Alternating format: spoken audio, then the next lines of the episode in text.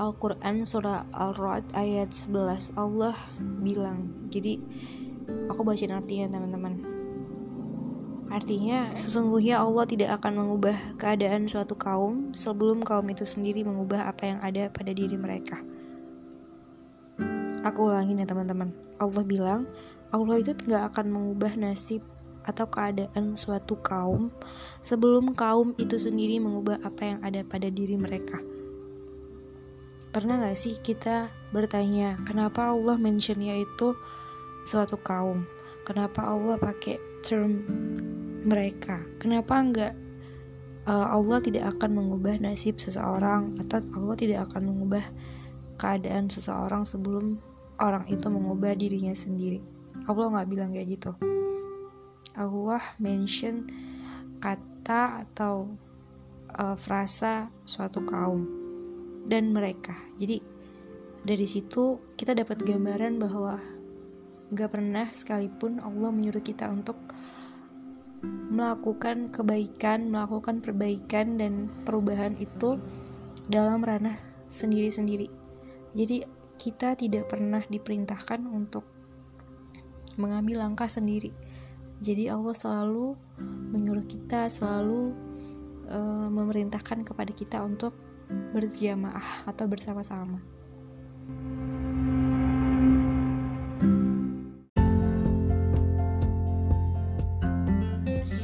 Tapi teman-teman kalau kita mau lihat kenyataan yang ada sekarang Pasti kita temuin kenyataan bahwa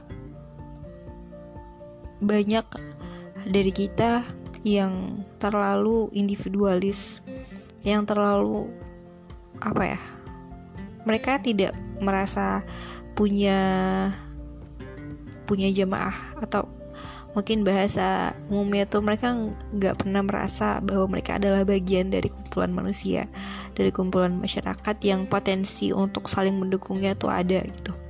Tapi yang kegambar kan sekarang ya udah uh, manusia menjalani kehidupannya masing-masing.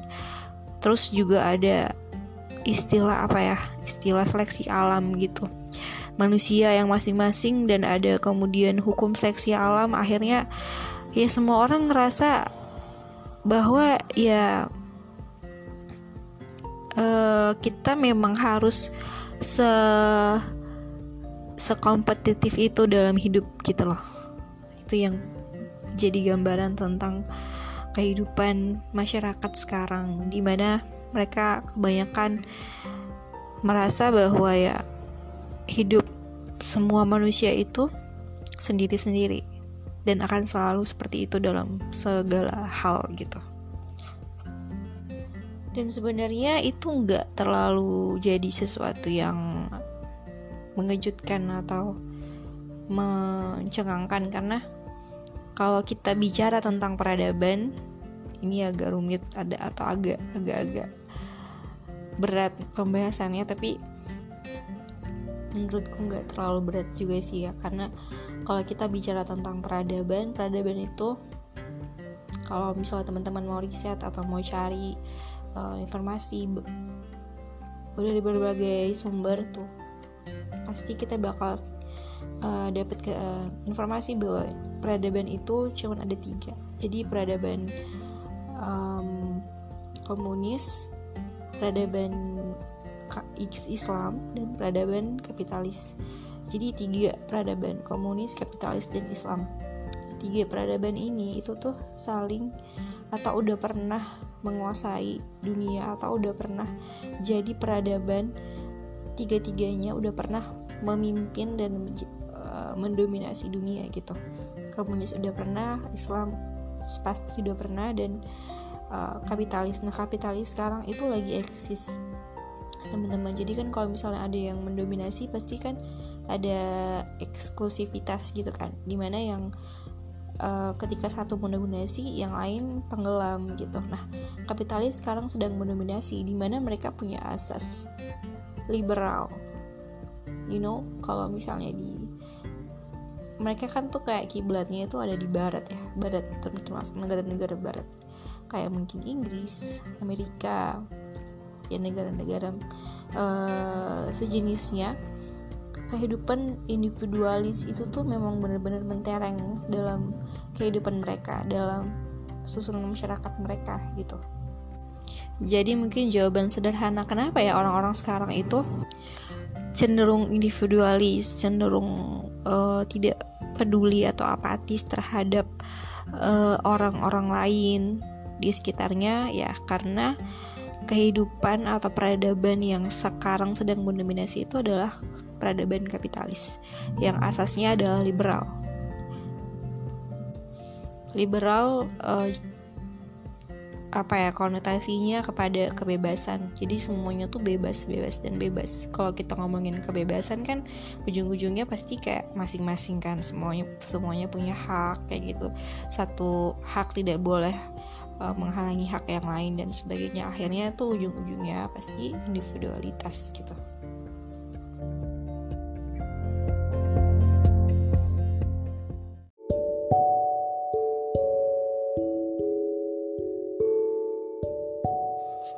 Padahal kalau kita mau balik lagi ke ayat yang pertama tadi, ayat uh, eh, 11 dari Quran surah Al-Ra'd, uh, Allah tuh nggak pernah nyuruh kita untuk sendiri. Karena kalau kita sendiri kita nggak akan pernah bisa gitu loh. Kita gini ya, kalau misalnya um, sang pencipta itu udah memerintahkan sesuatu, pasti perintah itu memang word untuk yang diperintahkan gitu jadi kalau misalnya itu nggak dijalanin automatically pasti yang terjadi adalah kerusakan. Karena kebayang gak sih kita misalnya ngebuat handphone kita punya aturan kan untuk handphone itu. Misalnya handphone itu uh, kegunaannya untuk berkomunikasi gitu.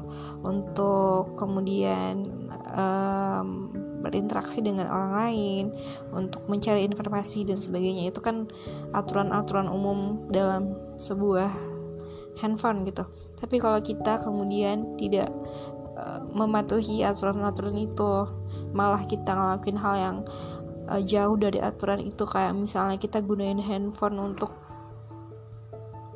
untuk ngulek cabai untuk ngulek sambel. Nah itu kan udah lain kan? Nah pasti yang terjadi adalah kerusakan sama ketika ketika Allah udah merintahkan kita sesuatu tapi kemudian tidak kita jalankan ya otomatis yang terjadi adalah kerusakan atau disfungsi. Dan mungkin ini kayak tamparan buat kita gitu kan sebagai seorang muslim. Buat aku juga buat siapa pun um, kita uh, yang ada di dunia ini. Di mana kita seorang muslim tapi sering sekali kita tuh ngerasa gak enak hati sama orang-orang yang kemudian menyuarakan hal-hal yang sebenarnya baik gitu. Tapi um, for some reason mungkin ya kita nggak kita nggak bisa kemudian menjudge itu bentuk kebencian seperti apa. Tapi mostly uh, yang terjadi sekarang itu ketika Allah suruh kita untuk berjamaah kita malah melakukan hal yang sebaliknya gitu. Kita sensi sama saudara kita sendiri kita curiga kita iri hati sama saudara-saudara kita kita menyepelekan saudara kita menyepelekan apa yang kemudian dia usahakan gitu-gitu sih. Jadi kayak kebayang ya kalau misalnya ada dua kubu nih kemudian um, kedua kubu ini tuh saling beradu gitu. Satu kubu sebut aja kubu A dan kubu B.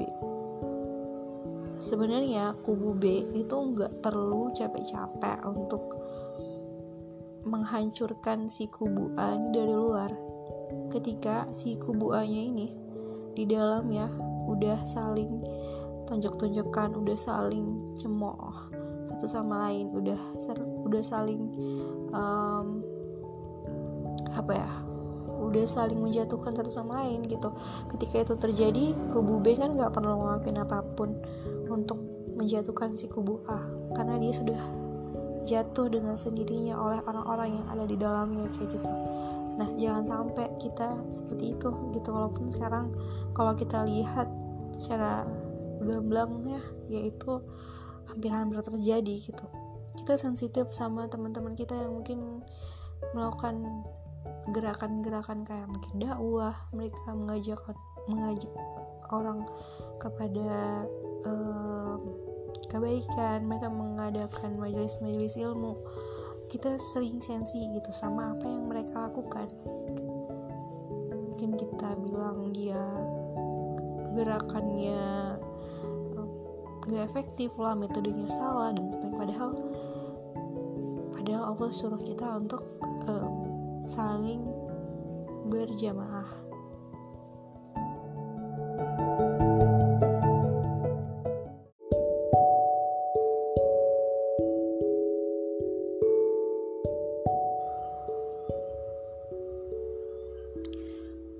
Tapi kalau misalnya kita punya pertanyaan misalnya kan kalau misalnya Allah suruh kita berjamaah kemudian kalau kita sekarang lihat juga fakta bahwa peradaban kapitalis atau peradaban yang individualitasnya itu sangat menonjol uh, sedang mendominasi lah kenapa mereka bisa sebangkit itu? Kenapa mereka bisa sejaya itu sekarang gitu? Nggak juga teman-teman. Kalau kita lihat sistem kehidupannya di barat itu tuh kayak paradoks. Kelihatannya tuh mereka uh, negaranya tuh megah gitu mewah glamor dan sebagainya. Tapi banyak sekali ke apa ya kesewenang-wenangan banyak sekali ketimpangan yang ada di sana gitu. Bahkan imigran atau bukan imigran sih kayak orang-orang yang tunawisme itu kan masih banyak di sana. Terus juga uh, penyakit-penyakit mental kemudian keburukan-keburukan hasil dari kebebasan dan individualitas itu kan banyak kriminal juga tinggi gitu uh, di sana. Jadi sebenarnya sekarang walaupun mereka udah hampir 100 tahun menguasai dunia tapi percaya deh bahwa semakin ke sini tuh semakin kelihatan kebobrokan mereka bahwa sistem individualis itu tidak bisa digunakan gitu kita balik lagi kepada perintah Allah untuk berjamaah tadi kita juga bisa lihat kalau misalnya sekarang efek dari individualitas, efek dari kemudian batas-batas yang kita tetapkan sendiri yang akhirnya membuat kita eh, tidak peduli sama saudara-saudara kita gitu. Kita lihat di Palestina. Kenapa Palestina sekarang masih masih se, se mengerikan itu khususnya di Gaza teman-teman. Kenapa masih terjajah? Kenapa masih um, banyak kemudian pembunuhan di sana? Banyak uh, tindak ketidakmanusiaan yang dilakukan oleh Zionis tapi kita kemudian tidak bisa berbuat apa-apa gitu. Itu kan bentuk bahwa ya ternyata umat Islam tuh terpecah belah itu gitu kan. Karena tidak tidak menerapkan uh, persatuan yang Allah perintahkan tadi. Saudara-saudara kita di sana itu sedang uh, diancam hidupnya sedang terancam setiap hari. Terancam terbunuh tertembak tertangkap oleh penjajah Zionis. Tapi kita di sini masih ribut. Masih ribut tentang apakah di sana itu penjajahan atau atau perang saudara gitu. Kan masih banyak yang menganggap bahwa di sana itu cuman itu bukan perang bukan perang antara penjajah dan yang terjajah tapi perang saudara kebayangan gitu. Bahwa masih banyak orang-orang yang nggak mau tahu sama keadaan saudaranya. Masih banyak dari kita yang terlalu self centris terlalu menganggap gak ada tuh yang namanya persaudaraan gak ada yang namanya ukhuwah Islamiyah.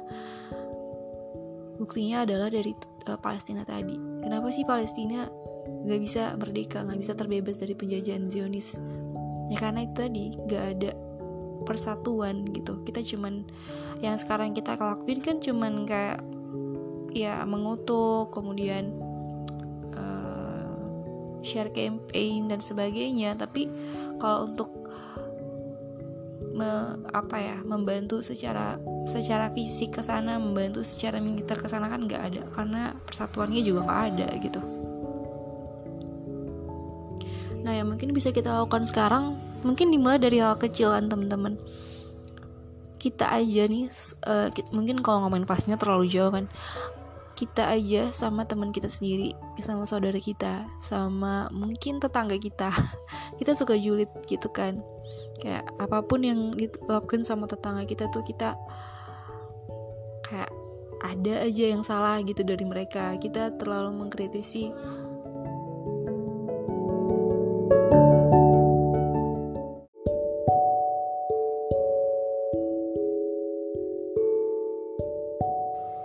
pokoknya kalau sama saudara aja bawaannya pasti seuzon buruk sangka dan sebagainya. Tapi kalau sama orang yang di luar saudaranya uh, dia malah apa ya bersikap manis kayak gitu kan itu kan bukan sesuatu hal yang baik gitu yang bisa dicontohkan sebagai seorang muslim